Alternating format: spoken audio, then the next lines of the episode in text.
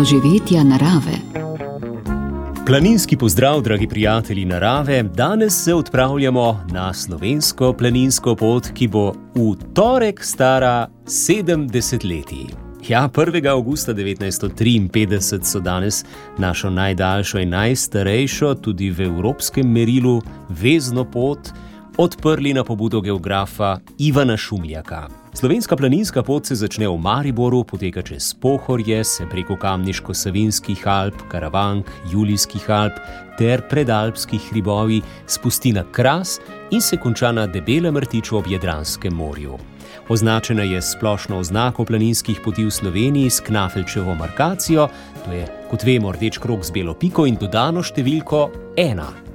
Slovenska planinska pot je s svojim nastankom uspodbudila tudi nastajanje drugih planinskih obhodnic, kot jim rečemo, ki se danes množično razprostirajo po vsej Sloveniji. 616 km, 37.300 metrov spona in 37.600 metrov spusta, 80 kontrolnih točk in 49 obveznih ter 6 opcijskih planinskih koč na poti. Ja, ko smo pri poteh, z njimi bomo začeli današnjo oddajo. Marsikje so zaprte zaradi nedavnih neurij. Pogledali bomo k aktualnim razmeram, zdaj le že z vremensko napovedjo. Dežurni meteorolog Anže Medved. Tudi jutri bo še kar sončno, povdne pa bo že bolj spremenljivo vreme, kajti nastale bodo posamezne plohe, lahko tudi kakšna nevihta. Še bo pihal šibak jugozahodnik. Jutranje temperature bodo nekje od 12 do 17, ob morju do 19 stopinj, najviše dnevne pa od 26 do 30 stopinj. No, v nedeljo bo še najbolj spremenljivo vreme, ko bodo kar pogoste plohe in nevihte in spet se bo malo ohladilo in žal še tudi v ponedeljek lahko nastane kakšna ploha. Toliko o spremenljivem vremenu ta konec tedna v nadaljevanju bodo z nami junaki.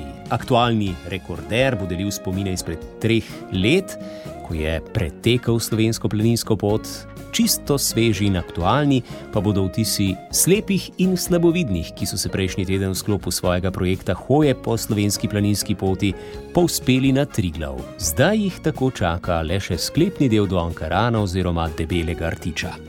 Andrej Novljan in Blaž Lesnik vas lepo vabijo v svojo družbo. Poslušate podcast Radio Ognišče. Podprite nas svojo oceno. Pustošenje neuri je pustilo posledice tudi na planinskih poteh. Seveda so naše misli najprej in predvsem z vsemi, ki jim je v teh dneh uničilo bivališča, odneslo strehe in rešujejo, kar se rešiti sploh še da.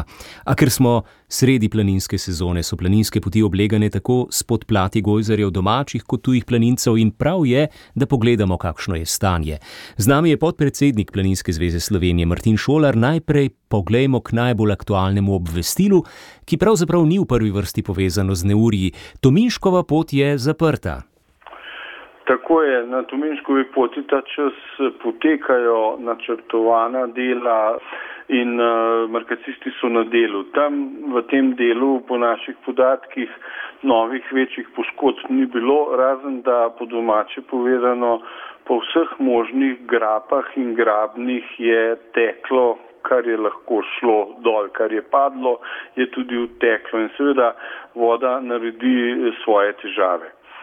10 tisoč km poti je v Sloveniji in pravzaprav kolikor se le da žurno poskušamo dobiti podatke, pa verjetno čisto vseh tudi še nimamo, kajti eh, zavedati se moramo, da mnoge poti v tistih predeljih, ki so bili najbolj poškodovani, Koroška, eh, Cerklansko, Čepovan, Dolina Krme in Radovne, Eh, pravzaprav ljudje delajo vse drugo, rešujejo svoje premoženje, rešujejo dostope do svojih bivališč.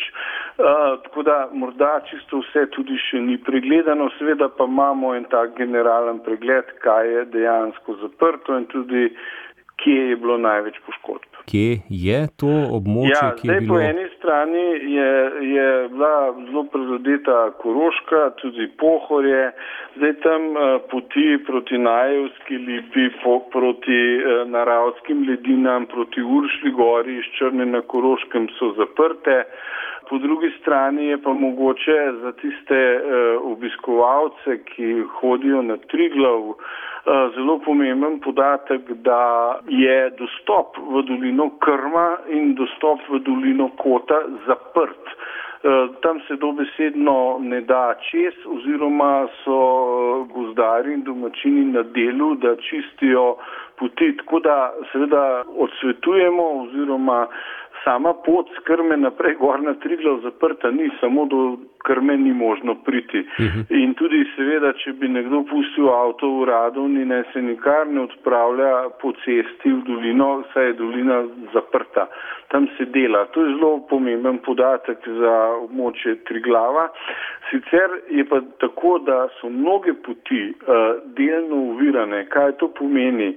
Padlo je drevje čez pot, domači merkacisti so delno pot prerezali, marsikje se je treba skloniti pod drevesom ali pa iti čezen, vendar te delno uvirane poti so prav tako nevarne in zato uh, pač naprošamo vse obiskovalce gora naj spremljajo informacije na spletni strani Planinske zveze in pa da naj pravzaprav bojo pri, bodo prividni ali pa morda ostanejo tudi doma, ker v takih vremenskih razmerah je morda to zelo dobro odločitev. Tako najbolj oblegano območje zdaj v avgustu, gotovo okolica Triglava, torej pomemben podatek, kot in krma poti skozi ti dve dolini sta zaprti.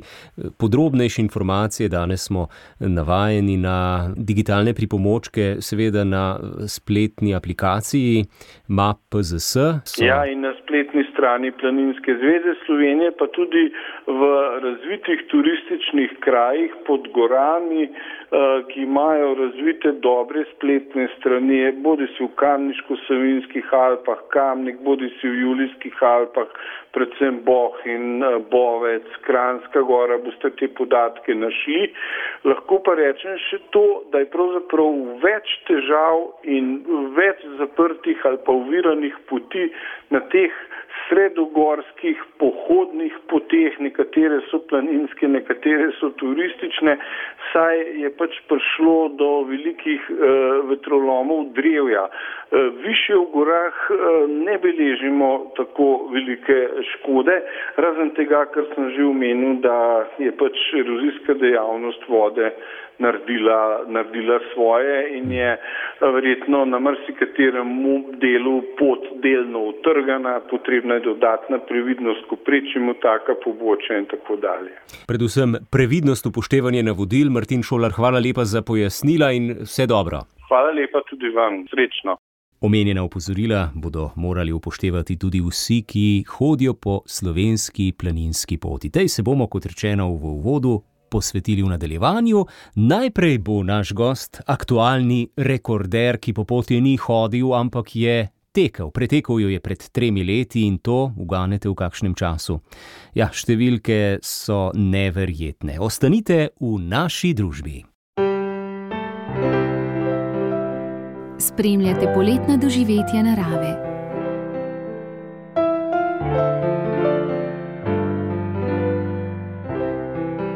Marja Zupančič, lepo zdrav, dobrodošli pri nas spet. Ja, lepo zdrav. Pred osmimi leti ste rekli nikoli več, ampak eh, kot pravi pregovor, ja, tega rečenega kruha se največ poje. Rekord je spet padel. Vse zdaj uh, govorimo o stvarih, ki jih morda tisti, ki spremljajo aktualne rekorde slovenske planinske poti, že dobro poznajo. Tri leta nazaj je bilo to, ne? ravno ob tem času. Ja, včeraj je bila obletnica, tri leta na Facebooku, eh, spomne ta aplikacija, eh, da smo prišli na konec transvezale. Šest dni, 12 ur, 58 minut, to je bil dosežek, v katerem najbrž na začetku niste upali eh, sanjati. Kaj ste si zastavili?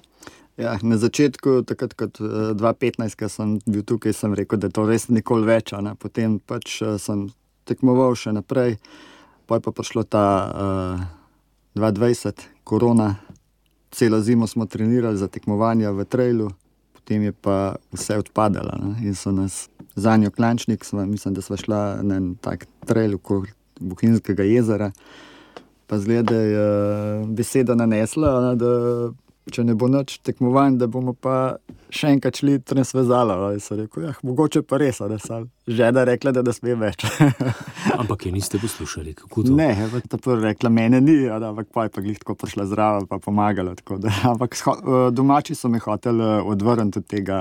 Uh, ker so me pač že dvakrat videli, kako sem prišel bogi, ta Vankarad. Ja, o tem smo govorili leta 2015, zdaj je bila zgodba malce drugačna. Se pravi, korona je bila tista, ki je spodbudila podiranje novega rekorda po slovenski planinski poti.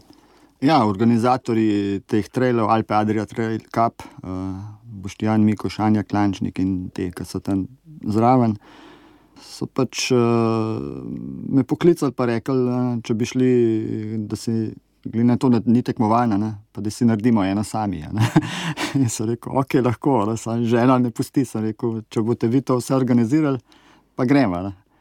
In so sprejeli in so vrženo rokavico. Zagrabili. Ampak to je bilo tekmovanje samim seboj in z uro. Ne? Ja, to prvo sem, mislim, da smo lik za njo takrat govorili, ko smo šli okoli jezera. Da, verjeten, ko načni, pa da bom pa letos kot dopust šel enkrat to transvezalo bolj počasi, da podoživljam te dogodke in zgleda, da je to pač nanesel na to, pa da so pa eh, dobili idejo, pa da gremo še mhm. enkrat tako ne, organizirano. Se pravi, tistega uživanja v počasnem tempu ni bilo? Pa, kot rekel, uživali smo res eh, na polno.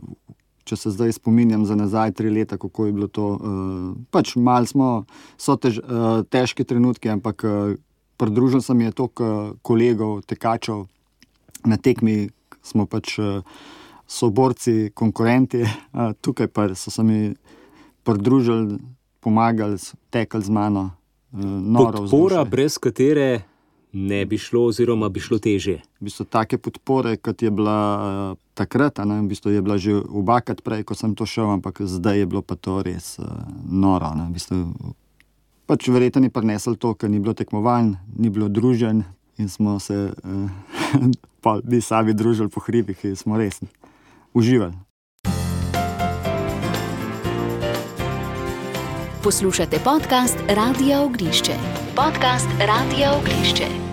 Marjan Zupančič je gost doživeti narave. Vem, da možgani marsikaj odrežejo, sploh tisto neprijetno, tisto, kar je bilo boleče, peče, ampak vseeno, da nekdo, ki preteče slovensko pleninsko pot v eh, šestih dneh in dvanajstih urah, reče, da je užival, um, človek kar malce podvomi, ker to ne vem. Nekako ne gre skupaj. Marjen, kdaj ste začeli v Mariboru? V Mariboru smo začeli ob šestih zjutraj, mislim, da je bil zdaj ne spomnim, petek ali pa sobota, da to ne mogo pogledati v koledarju. Skratka, ob šestih. Šestih zjutraj, zvečer smo šli že uh, tja prespati s koleg, uh, kolego. Uh, ne, on je tudi mislil, da bi šlo zraven, pa je raven takrat roko zlomil, tako da nam je Aha. pač pol nudo sam predočišče.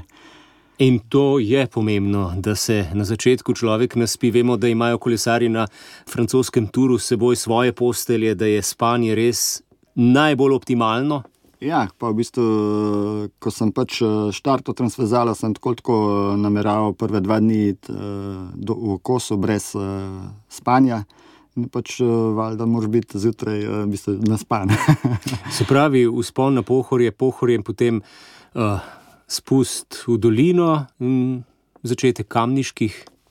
Ja, v bistvu, uh, začeli smo na pohorje potem uh, spremljala ekipa imela takoj težave, nisem jim takrat nič povedala, zdaj to vem, da so imeli takoj v kombiju defekt. Uh, potem uh, Toni je bil večkrat slabš, pripravljen, ni mogel iti zraven, tako da takrat me je res rešil Janez Klančnik, ta nek, bivši triatlon, Ironman in zdaj odličen trail, trailaš. Tako da je šel takrat on čez celo pohorje z mano in pač. Drugač bi mogoče takrat res pa ostal celo sam. Kar je verjetno kar uh, težka preizkušnja, sploh za tako, tak podvig, ne? ker je zelo pomembna podpora nekoga, ki je s teboj. Ja, sicer so koče, se da nabaviti stvari, ampak uh, to, da, imeli, uh, da je kombi vstal zadaj in niso imeli, meni, so cel pol dneva menjali tisto govo, je bil takrat z mano Janes in praktično do Slovengraca nisem vedel, noč, kaj se je sploh dogajalo. Več težav z avtomobilom kot s tekačem, ki je eh, v enem kosu, torej naš gost Marjan Zupančič, pretekal do vznožja Storžiča. Ja, do Storžiča smo prišli vem, naslednji dan zvečer, mislim, da je bila šest popoldan, potem smo štiri ure, sem šel spat in desetih, enajstih uh, smo šli že naprej, naslednji dan. Štiri ure je zadostovalo. Štiri, štiri ure pa pol, ja. Uh -huh. Se pravi, tek tudi po noči, tudi v Ja. Visokogorju, tu je pa potrebna previdnost in eh, vsekakor tudi spremstvo. Ne? Ja, tukaj v bistvu z mano so šli izkušeni tekači, gorski reševalci. Pač te, tudi imamo te s- luči, ki so v, Močnejše. močnejše uh -huh. tisoč lumnov, tako da se uh, vidi, kot da bi bilo dan. Pot poznamo, smo jo že, že večkrat prešli. tako da M, Se je po teh nabranih urah, zelo malo se zdi, mislim, v dveh dneh eh, priti tako daleč, ampak eh, se je kdaj začela kriza, se je kaj pokazalo, kar je načelo moči. Ja, pa, takoj na koncu prvega dne v Robanovem kotu, pa v bistvu se to mi je zgodilo že tretjič, isto. Pač eh, je razdalja vem, 120 km, vem, 7000 višincev, 8. In uh, enostavno sem bil izbučen, ampak uh, želodec je malo hotel štrajkati, nisem nič mogel jesti, ampak uh, sem šel naprej, tako da nisem, nič, uh, nisem čutil, potrebe po spanju. Držal sem se tega plana, ker sem šel že prejšnji dvakrat, dve, po dveh poskusih, da grem pač eh, čez ka, kamniške, raj mečkam počasnejš, ampak brez spanja. Ne, tako da sem kompenziral spanje z hitrostjo. Ko ste omenili hrano, kako pa je s tem, je tudi tako načrtovana kot vse ostalo, kaj in kdaj se je.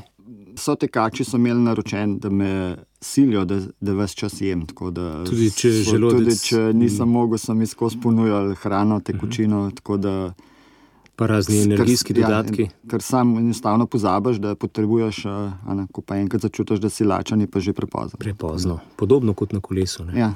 Se pravi, potem uh, nadaljevanje čez kamniške in potem se začnejo julici, kdaj je bil še čas za počitek, če je bil. Ja, prvi spanje je bil v domu pod Storžičem, 4 ure, naslednji je bil od tam naprej v, pod Striglavsko severno steno v Aljažovem domu, isto tam 4 urce. Potem od tam naprej sem prišel do uh, koča pri izviri so, Soče, je bil tretji spanec. Tudi po Isto- štiri isto ure. Tam 4 ure. Od tam sem prišel direktno do Petrovega Brda, čez vso transverzalo. Ne? In sem v domu po, na Petrovem Brdu isto, tam 4 ure, 4 pa pol max mogoče. Ekipa je sicer eh, planirala, da bi enkrat še imel isto, tak postanek. Sam sem se pač takrat odločil, da ne potrebujem, da gremo naprej. Uh -huh. No, tudi če bi do, do morja. do Kosu. morja v Kosu, do Ankarana, kjer je bil cilj, tudi če bi odspali še 4 ure, pa bi Ne, bilo 6 dni. Ne bi bil nič hitrejši, eh, Ja, bil aha. sem že bogi, ne Aha. bogi, zm- utrujen, ampak Ja. sem pa dvakrat ali pa trikrat po 7-10 minut, uh, kar na tleh, uh, tako en power sleep. Power sleep na tleh 10 ja. Ja. minut. Da sem normalno pa lahko spet nadaljeval. To so stvari, ki si jih morda ne znamo predstavljati najbolje, ampak eh, očitno je uspelo. Ko smo leta 2015 govorili o tem zaključku, je bilo kar dramatično. Ne? Eh, Noge so bile kar um, pošteno načete. Kako je bilo tokrat? Zdaj ni bilo, uh, ker sem bil mečken hitreje, zgleda skoraj en dan uh, in nisem imel čas za teč. Uh, imel sem žulje ne, pred uh, prejšnjim poskusom, pač je bilo malo dramatično, tudi ker sem uh, že pač lovil tisti čas, ne, sem bil v rangu treh ur in sem pač uh, mo moral hiteti, pohiteti, pa noge pa niso več dale. Tle sem imel pa pač eh, že, v bistvu nisem mogel verjeti, koliko sem hiter. ne, v bistvu. Enostavno mi je tudi ta primorski del, glede na to, da nisem bil tako užuljen, uh -huh. pil sem, ampak manj kot prejšnja leta, da sem lahko tudi hitrejši nadaljeval. Kako lahko človek z žulji še nadaljuje? To so vendar bolečine in desetine in desetine kilometrov. Ja, žul, pač, uh, kot vsak planinc ve, kako to pride, to pač uh, lahko greš samo tam na en uh, našmarno goro, pa dobiš žul. Ja, ampak se težko potem ja. vrneš z njim. ne? Ja, pač Samo Šmarne boli. gore, boli. boli. Uh, ja, uh, prve žulje sem dobil v, pri sedmerih jezerih, ra, uh, sem, to se pravi, več kot polovico poti sem bil brez. Uh -huh. pač tam smo pa po, po flajštrali, te levkotejp sem dal čez. Pa sem te žulje tako, nisem sploh več odpiral, ampak sem imel samo po tejpan. In praktično nisem do Ankarana več dolje imel, tako da sem imel enostavno za flajštrane. Zalepljeno, ja. ampak uh, verjetno čutilo pa se ja, je. Ja. Sploh, ko začneš ne, ko zjutraj, ali pa v bistvu po, po tem spancu. Ja, kadarkoli že. Kadarkoli že je bilo, ko pretegneš, ali je bilo tisto, začne malo bolj, ampak potem ni to tista bolečina, da se ne bi dal. Uh -huh. uh, ni bilo to nekih pač žul je žul. In na koncu vas je spremljala že kar lepa množica, ki je gotovo prispevala k veličastnemu zaključku potem v Ankaranu, koliko vas je bilo skupaj. To nisem mogel verjeti noro. Mislim, glede na to, da je bilo res uh, noro vreme, tudi z slavnika dol je bila nevihta, nas je napravil. Po slikah, če pogledate, bilo, eh, so bile prsocerbo luže, do, do gležnov, smo se noro, ljudi pa prišlo na 50, 100, ne, noro, res. Tudi na cilju je bilo vzdušje, res, tako rekel, nisem mogel verjeti. Vzdušje, ki vas je počgalo, zadnji kilometr ste. Ja, zadnji kilometr sem pač pa res odšprintal, tako kot sem rekel, da bomo odšprintali v Ankaran. Tako da sem imel še energijo. Spremljate poletne doživetja narave. Marjan Zupančič danes deli spomine na eh, dogodek izpred treh let, ko je pretekel slovensko planinsko pot v šestih dneh, 12 urah in 58 minutah. Marjan, takole, ko razmišljam, sva govorila brez spanja, oziroma z zelo skopo odmerjenim spancem, kako je z glavo, kako lahko manj kot tednu dni s takšnimi napori sploh še funkcionira človek. Ja, jaz uh, delam uh, v službi, tudi nočne, 12-urni delovnik. Uh, Ste paznik v ja. Ljubljanskem zaporu? Ne? Ja. In uh, sem tako rekel, ko pridem iz nočne, ponavadi grem spat 4 ure in sem navaden na ta neki 4-5-urni. Uh, K, Vam je dovolj po ja, celi noči, ki jo prebedite. Ta, k, to je ta kritem, da če bi šel po nočni spet spat za vem, 10 ur, ja. 8 ur. Ne, jaz pridem domov malo čez 8 zjutraj in grem pač spat do pol enih enih. In zdaj, če bi spal, pa ne vem, do 4 popoldan, eh, kako bi to pa izgledalo, ko bi zvečer gledal v luft. Bi se pač, obrnila. Bi se mi ja, to ja. obračal in glede na to, da sem se to zaradi tega navadil. Sej ne gre, ne moreš to skozi, ampak v enem tednu, pač po 4 ure, 4 krat pa je bilo to. to Služba, ki pomaga podirati rekord na slovenski planinski poti, gotovo je ta sposobnost regeneracije zelo pomembna. Kaj pravite, je, zdaj bomo takole spet po športno vprašali, še kakšna rezerva za izboljšavo. Um, vem, da je bil takrat v tistih letih 2015, 2016, potem pa še prej en tak trend podiranja rekorda na slovenski planinski poti se kaže kakšen izzivalec, ki bi utegnil še skrajšati ta čas? Ja, tako bom rekel, jaz, kar se moje regeneracije tiče, je počasi uh, vedno slabše. tako da jaz osebno tega rekorda, zdaj pa čisto res ne bom več podiral, tako da bom pa še. Uh, ko bom v penziji, sigurno uh, še probo dobiti kakšno to značko za prehojno slovensko pot. Ja, tule pred nama na mizi štiri. so štiri značke za da, štiri prehojene potine. Bom Tle. sigurno še hodil, tudi zdaj me veliko hodim po hribih in uh, mečkaj manj tekmujem, uh, pač uživam v hribih. Hodite, ne tečete. Tudi hodim, tečem, kukar je, tako da uh, uživam, če se mi. Ana, da tečem, če ne pa včasih tudi bolj počasi. Živite na pragu uh, lepih eh, bohinjskih eh, planin, torej ja. verjetno spon na črno prst je kar dosti krat ja, namenil. Severnega, z vzhod, tega južnega balkona vidim črno prst, z, z severne strani pogled na Triglo, tako da jaz te hribe vidim vsak dan, tudi od doma, z balkona kako bi lahko človek bil v tem primeru? Ne? Ja, mislim, živim v lep, uh, najboljšem okolju, tako da zdaj, ko bomo počasi se bližali penziji, tako da bomo res uh, še več v hribih.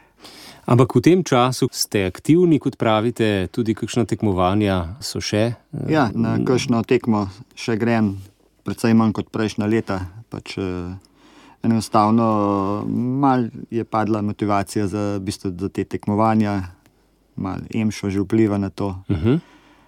In morda človek začne malce drugače gledati na to, eh, da tudi malo bolj počasi ja, lahko uživa. Športo, pač, kar sem dosegel, sem dosegel. Me včasih še tako malo zagrab, da grem tam mladem še kakšno eh, zagodati. Drugač pa ni več to na prvem mestu. Mhm. Trening, kako izgleda? Pa, ko, hodim eh, v hribe, tečem po hribih. Koliko krat recimo na teden? Pa, z, odvisno od službe, uh Mhm. -huh. od počutja potem kombiniram s kolesom, grem Ste na kolo, na specialki. tek, specialka, mountain bike, pod pozimi turno smučam, tako da imam koblo vogu čez bliz. Tako da- Srčni utrip v mirovanju. Ja, uh, uradno so mi ga namerali, se vsi vejo, že iz par let nazaj. Uh, sem 28 na te, tem testiranju za te športnike. tako da So rekli, da je to trenutno pri njih ni, uh, na metelko bila najnižja eh, zmerjena vrednost. Človek bi začel pri tem utripu že koga uživljati. Ne? Ja, v bistvu sem že tudi na to pomislil, če bi me kaj najdel tako uh, v kakšni prometni nesreči, da mislili, da. da ali, Ali pa slučajno v tistem desetminutnem eh, osvežilnem spancu na tleh. Ne? Je pa tle drug problem, ne? nizek puls, to imam še kar, ampak ni pa več tistega maksimalnega tega, kot sem ga imel pa včasih. Je je vedno znižal, ne? nižji tisti ja. prak, ne, Ja. ja. ki ga človek ne bi smel preseči. Ne? Ja, se, uh, tudi ko, če bi ga hotel, ga ne moreš, ker te zabijajo. ne. Tako natreniran človek zelo težko. Ne? Ja, trenutno čas sem lahko šel tam 175 pulza, zdaj pa tam 160, že kar uh, maksimalno. Ne gre čez. Ja, težko. Nemšo dela svoje, ampak se ne date, torej uživate v hribih, uživate v naravi, v vsakem letnem času. ja, po zimi s turnimi, poleti v supergah, tako da sam, včasih z družbo. Ta družba je kar številčna, se z leti naberejo. So tekmovalci, ki, uh, kot ste rekli, so, so borci oziroma uh, konkurenti Ja. ali pa podporna ekipa. predvčerajšnjem sta prišla dva uh, kolega, ki sta le tudi z mano na slovenski planinski poti. Sprva smo planirali, da bi šli na Triglo, ampak zdaj, trenutno, ko so res te uh, ujme, smo pač prilagodili in smo naredili po Buhinju, pol en tak trail 20 km. Čeprav že tudi to je slabo kazalo, zjutraj, smo, ko smo hoteli iti, je bil res unaljiv orkanski veter. Mhm. Tako da potem se je to zlilo in smo dobili tisto okno, uro pa pol in smo šli narediti trening, ko smo prišli nazaj, je spet dež. Ura in pol, 20 km. ja, tam po teh uh, nižjih uh, hrib, hribih okrog Buhinja, izvir Bistrce, potem razgledna točka Peč nad uh, jezerom, Rudnica in nazaj, ta krog smo naredili. Kateri del, eh, če se tako le spomnite, verjetno so ostali kakšni utrinki, kateri del pa vam je bil najljubši, najbolj pri srcu na tej celotni trasi slovenske planinske poti? Najlepši je ta ra, ra, ravno čez eh, Triglav, Razor, Prisojnik, Krn. To so v bistvu res tisti kralji gora. tako da Najlepši, vreme je bil lep, tako da razgledi ni, da ni. Skala, Najbolj, ja. Najlepši. tako da Najbolj izpostavljeno tudi in ja, najlepši pač razgledi. Je treba paziti na varnost na prvem mestu. Potem trikrat nas je dobil dež, to, to da bomo pozabili. Eh, Enkrat ravno iz Krna dol smo bežali v dom izvir Soče, potem naslednjič nas je dobil pa ravno nad našimi domačimi hribi, med uh, Voglom in Črnoprstjo je bila pa res tista nevihta, ne, ki jo pač nikoli lava pozabili, z, uh, tisti, ki so bili takrat z mano. Je bilo tako malo skeri. Ste se ustavili? nismo se imeli kam ustaviti, ne. pač bil je naliv, toča, tudi strele. Da, ampak to je prišlo skoraj iz jasnega. Ne, ta podporna ekipa nam je javila po telefonih, da imamo tri ure. Še čist lep vreme, ne bi se tudi bilo jasno, ker naenkrat je bilo to eh, res tisto. Ampak smo prišli srečno čez. Potem pa ta na primorskem, isto ta iz Slavnika dol, isto ta nevihta, v bistvu sred poletja, nam vroče nam ni bilo. Ne. Če bi si kdo želel ogledati utrinek v video obliki, je tudi na voljo, seveda, na YouTubu. Na YouTubu so krasni posnetki. Žan Karničar je posnel, Marko Krenker, tudi ta del Primorsko in Pohorje. Maren, hvala lepa za obisk pri nas. Obilo užitkov še v gorah, morda tudi malce počasneje, pa se prikaže še kakšen eh, detajl, kakšna podrobnost, ki je morda ne ujamete v hitrem tempu, pa naj vam dobro služijo še sklepi, koleni, s tem še ni težav nobenih težav, glede na moj emšo, ja. 50. Plus. No, videli smo, s palicami ste eh, se uspenjali in spuščali, predvsem verjetno. Ja, palice so za hribe eh, odličen pripomoček. Uh mhm. -huh. In za gor, in za dol. Ampak kolena ne delajo težav, ja, ni bolečin. Glede, da imam genetiko tako, da nimam problemov tako da še vse funkcionira.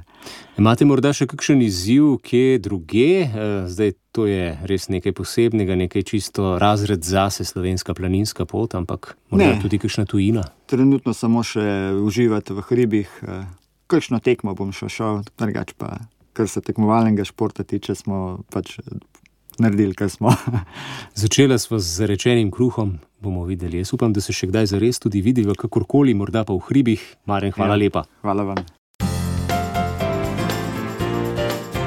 Poslušate podcast Radio Ognišče. Podprite nas in postanite prijatelj Radio Ognišče. Spremljate doživetja narave. Bili smo pri neverjetnem dosežku rekordu slovenske planinske poti in to vrstni uspešno izpeljani izzivi vedno pritegnejo pozornost. Človek je že odnegdaj preizkušal presegati meje in komor je uspelo, je postal junak. Vendar pa je prav, da na tem mestu pozornost usmerimo še k enim, nič manjšim junakom, ki pa so bili v očeh dela javnosti žal tudi po zaslugi neprimernega medijskega poročanja, nepoznavanja razmer in najbrž tudi želje po branosti in spektaklu, deležni zgražanja ali še bolj žal zasmehovanja. Slepi in slabovidni že tretje leto hodijo po slovenski planinski poti in prejšnji teden so osvojili tri glav. Iskrene čestitke vsem, tudi vodi delovne skupine Planinstvo za invalide in osebe s posebnimi potrebami Jurčku Novaku. Seveda nas zanimajo vtisi in spomini, ki bodo ostali. Na kratko se bi zelo težko povedalo, drugače pa smo usvojili tako rekoč eh, tisto jagodo na torti, ker to je pred ta zadnja etapa, vse etape prej smo zaključili. Zadnja etapa pa ostane Ankaran in debeli rtič, drugače tri glave je bilo pa svoj, svoj čar, ker to je bila res, rečemo, od leta, od 8.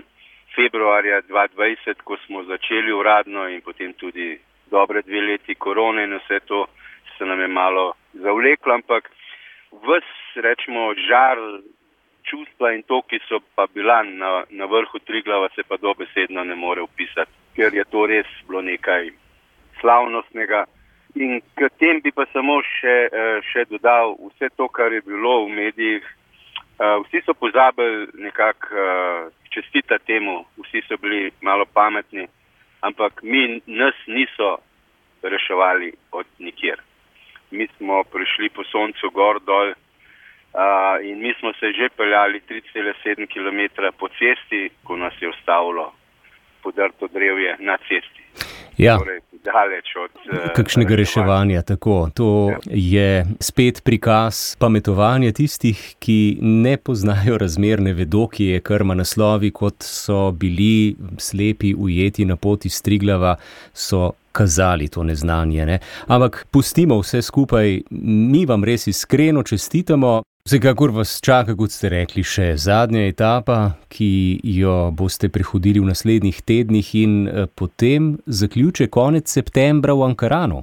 Ja, 23. septembra se pred Ankaranom 1,7 km dobimo in skupaj zaključimo uh, pot do debelega rtiča. Trenutno imamo obljubljeno že veliko uh, pohodnikov, ki nam bojo pomagali to mhm. pot premagati tudi na invalidskih vozičkih in vse nekako, vsa ta družščina in, in planincev nekako podpira vse te slepe, slabovidne in pa vsi ostale, ki hodijo na začrtani poti. Ja, tako na tem mestu zahvala že vsem, ki so doslej pomagali, morda tudi prošnja še za te zadnje kilometre. Prostovoljci so vedno dobrodošli. To je pa res. Imamo zadnje čase ne, da imamo probleme, ampak za invalidske vozičke nam manjka prostovoljcev veliko krat in potem krpamo na vstašne in drugačne načine.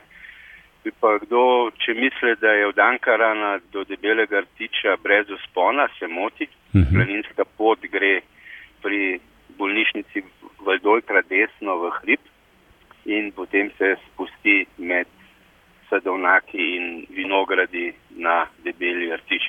Bomo pa veseli vsakega, ki bo nam pristopil na pomoč, podal roko k vozičku ali pa k posamezniku. Tudi 23. septembra, torej to je pa ta dodatek, ki ga včasih ni bilo. Podaljšek iz Ankarana na debeli rtič, tudi nekaj uspona.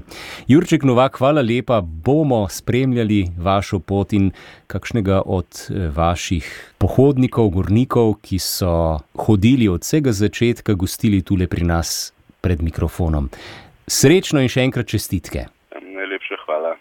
Tako Jurček Novak, vodja skupine Planinstvo za invalide in osebe s posebnimi potrebami. V nadaljevanju ob sklepu naše odaje pa boste slišali še nekaj vtisov in misli, ki jih je strnila udeleženka vzpona na Triglav Nataša Privošnik. Spremljate poletna doživetja narave.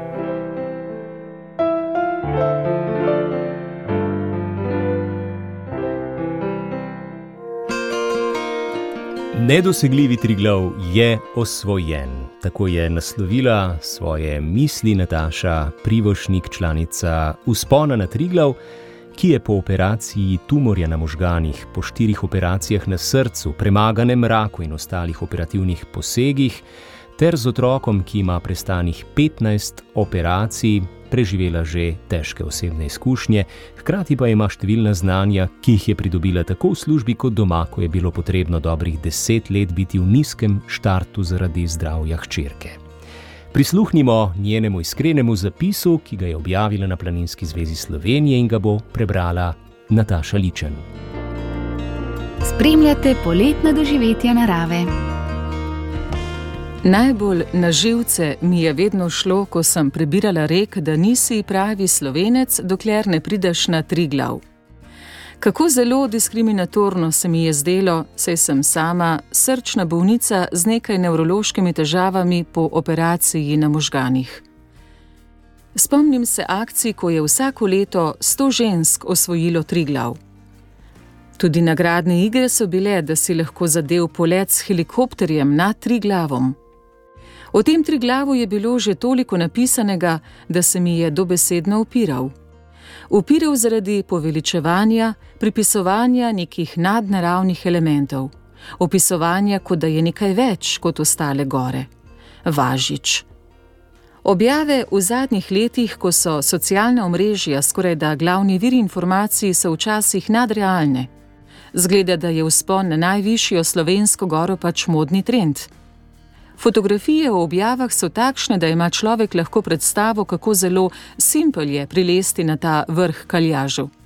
Se fotkati, napraviti nekaj modernih pos in, ja, fotografij samega vzpona in sestopa pa ni tako zelo veliko. Ker potne roke in obraz, prešvicane majice verjetno ne bi požele tolikšnega zanimanja, pa še težko je držati telefon ob prepadnih območjih levo in desno. Ne, nisem bolj slovenka zaradi tega uspona, nikakor. In ta rek demantiram z vso lastno avtoriteto, ki jo premorem še zaradi vseh, ki tega nikoli ne bodo zmogli narediti. Zaradi njih, ki jim ta ali kakršen koli uspon ne bo dan. Slepi in slabovidni planinci pod okriljem Planinske zveze Slovenije, v kateri deluje odbor in planinec, kar pomeni planinstvo za invalide, že tri leta usvajajo slovensko planinsko pot, ki jo bodo zaključili 23. septembra leta 2023, torej letos na Debelem Rtiču, ko bodo odtisnili zadnji žig. Leto in pol nazaj sem se jim pridružila. Sicer žigov ne zbiram, ker po lastni oceni še ne premorem toliko kondicije. kontinuitete, kar je odvisno od nihajočega zdravstvenega stanja. Za usvajanje poti si bom naredila načrt. Enkrat. Zakaj hodijo in kaj vidijo, so bila moja prva vprašanja meni sami in takoj na to Jani in Sašu. Odgovori so bili logični, opisi občutkov pa nepredstavljivi. Koliko jih ljudje imamo v sebi, pa jih ne znamo definirati, kaj šele obesediti. Hvaležna Jani in Sašu, ker sta me povabila k sodelovanju. Moj svet je bogatejši za neprecenljive izkušnje, občutke, misli, ideje, nove možnosti in cilje. Pripravi na tri glav sem vzela skrajno resno, tako kot vse druge uspone. Pripravljala sem se s hčerko Lizo in prijateljico Marto, občasno z možem Damjenom. Pa ne vem, če bi lahko rekla, da je bila priprava zadnjih sedem mesecev priprava izključno na uspon na tri glav. Bolj mi je bil ta naš triglav nek vrhunec oziroma mejnik letošnjega poletja. Nisem mu pripisovala velikega pomena, saj na triglav pač zdaj vsi hodijo. Hodijo na sončne vzhode, zahode, objavljajo prečudovite fotografije, ki jemljajo dih in dah. Vzela sem ga kot uspon, ki bo malo daljši, a nisem pričakovala nič konkretno posebnega. Bila sem že na Mangartu z licenciranim vodnikom teden prej, 14. julija na Storžiču, ki se mi je zdel osupljivo nedostopen in sem bila ganjena, ko sem ga zin pleninci osvojila.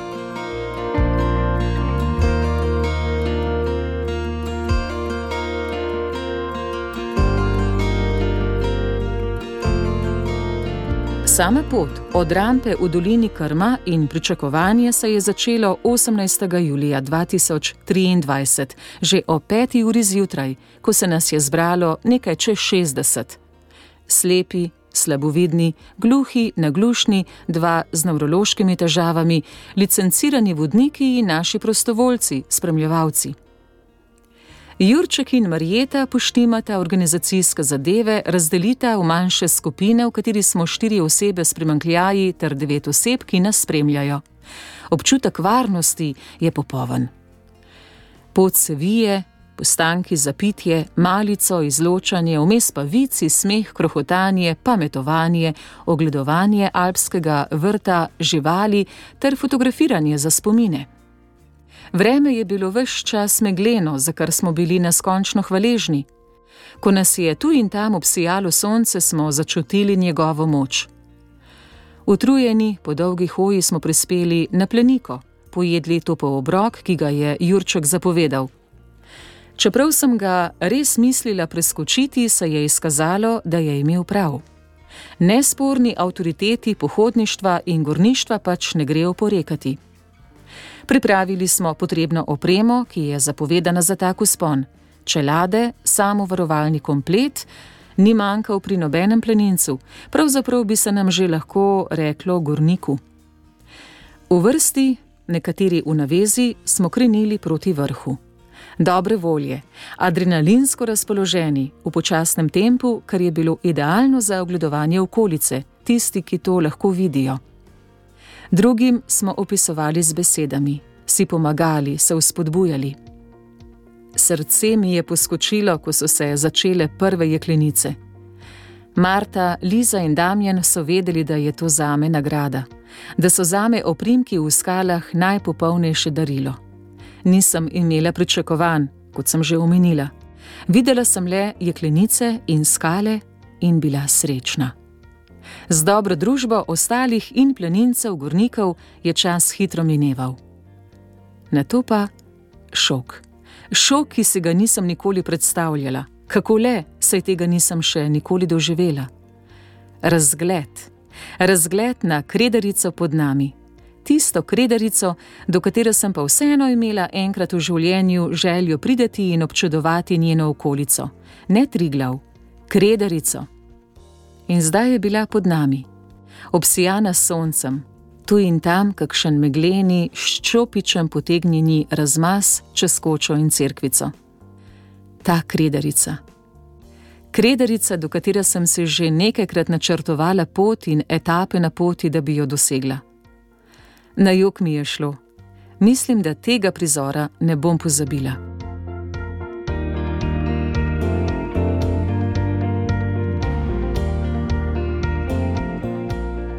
Gremo dalje, čakamo, si ogledujemo okolico, tudi planiko smo imeli na dlani in ugotavljali, da je pravzaprav blizu, a toliko korakov stran.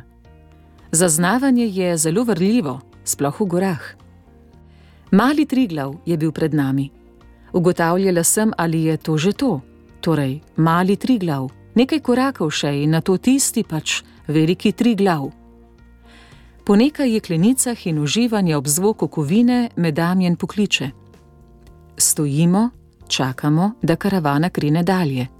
On pa pravi: Nataša, poglej tvojo severno triglavsko steno. Na dlani, neverjetno, neupisljivo, noro, absolutno fascinantno. Steno, ki bi jo rada preplezala. Steno, o kateri berem, gledam filmčke, dokumentarce stena, ki je med največjimi stenami v Evropi. Stena je bila skoraj z mano. Drugi šok, pozitiven, seveda. Razgledi pa, kot bi si jih izmislil človek s fantazijo, ki nima meja.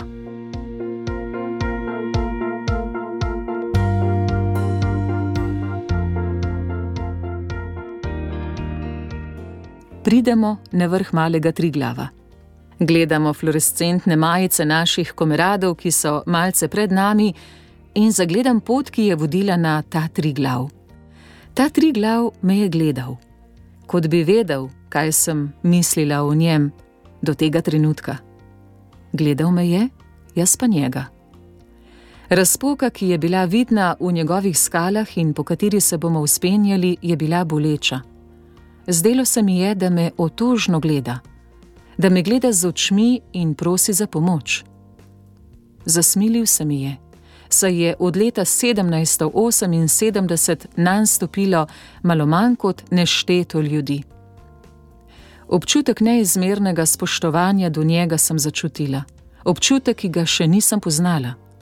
Občutek, ki je nekaj posebnega in občutek, za katerega človek ne ve, da ga premore, dokler sam ne doživi nekaj tako zelo veličastnega bila sem v transu. Stopala sem proti Aljaževemu stolpu. Tistemu Aljaževemu stolpu, ki sem ga od majhnega gledala po televiziji. Tega, za katerega nikoli v življenju nisem niti drznila pomisliti, da bi ga kdaj prijela. Ja, že ne. In ravno jaz sem tu. Solze tečejo v potoku, ko ga objemam, hlipam. Jaz na vrhu tri glava pri Aljažu, Jaz, Nataša. Naslednje solze pa so bile rezervirane za slepe in slabovidne, ki so za mano in ob meni prispeli do vrha. Z vso ljubeznijo, ki jo premorem, sem jih objemala in pokala od ponosa za nje.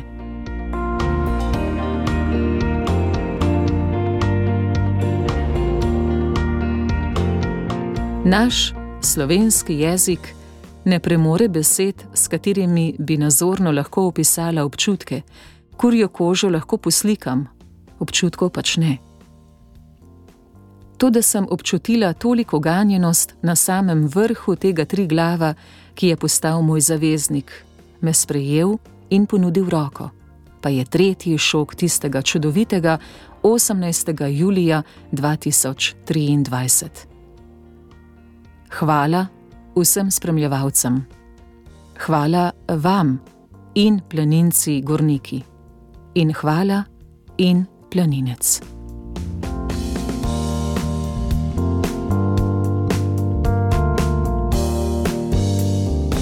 Zapis Nataše Privošnik, nedosegljivi triglav je osvojen, je prebrala Nataša Ličen.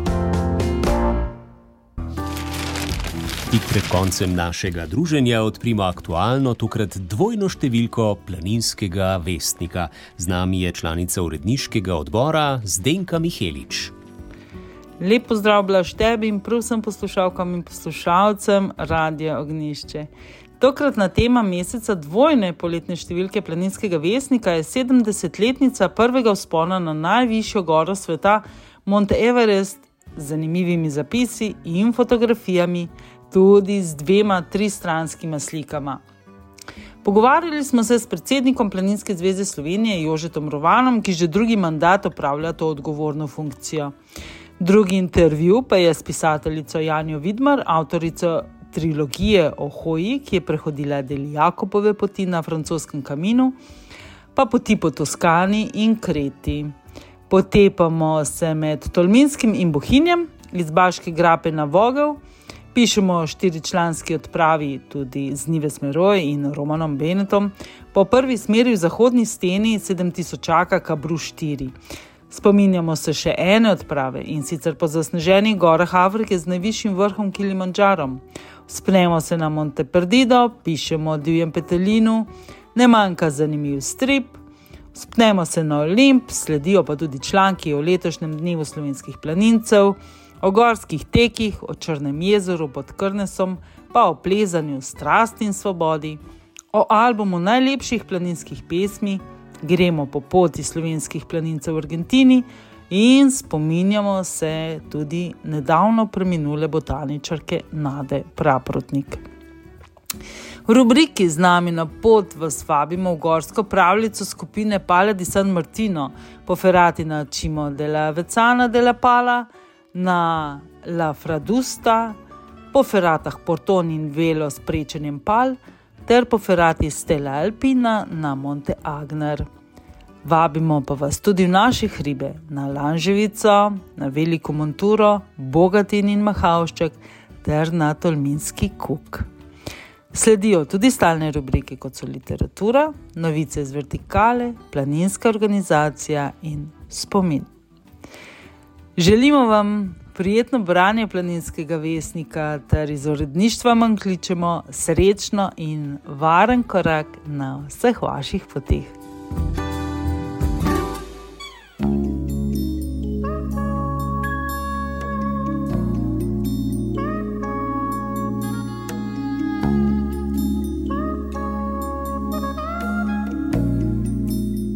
Doživetja narave.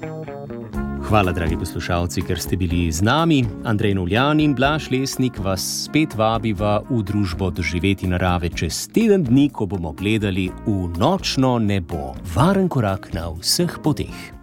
Naročite se na podcast oddaje. Storitev je brezplačna. Radio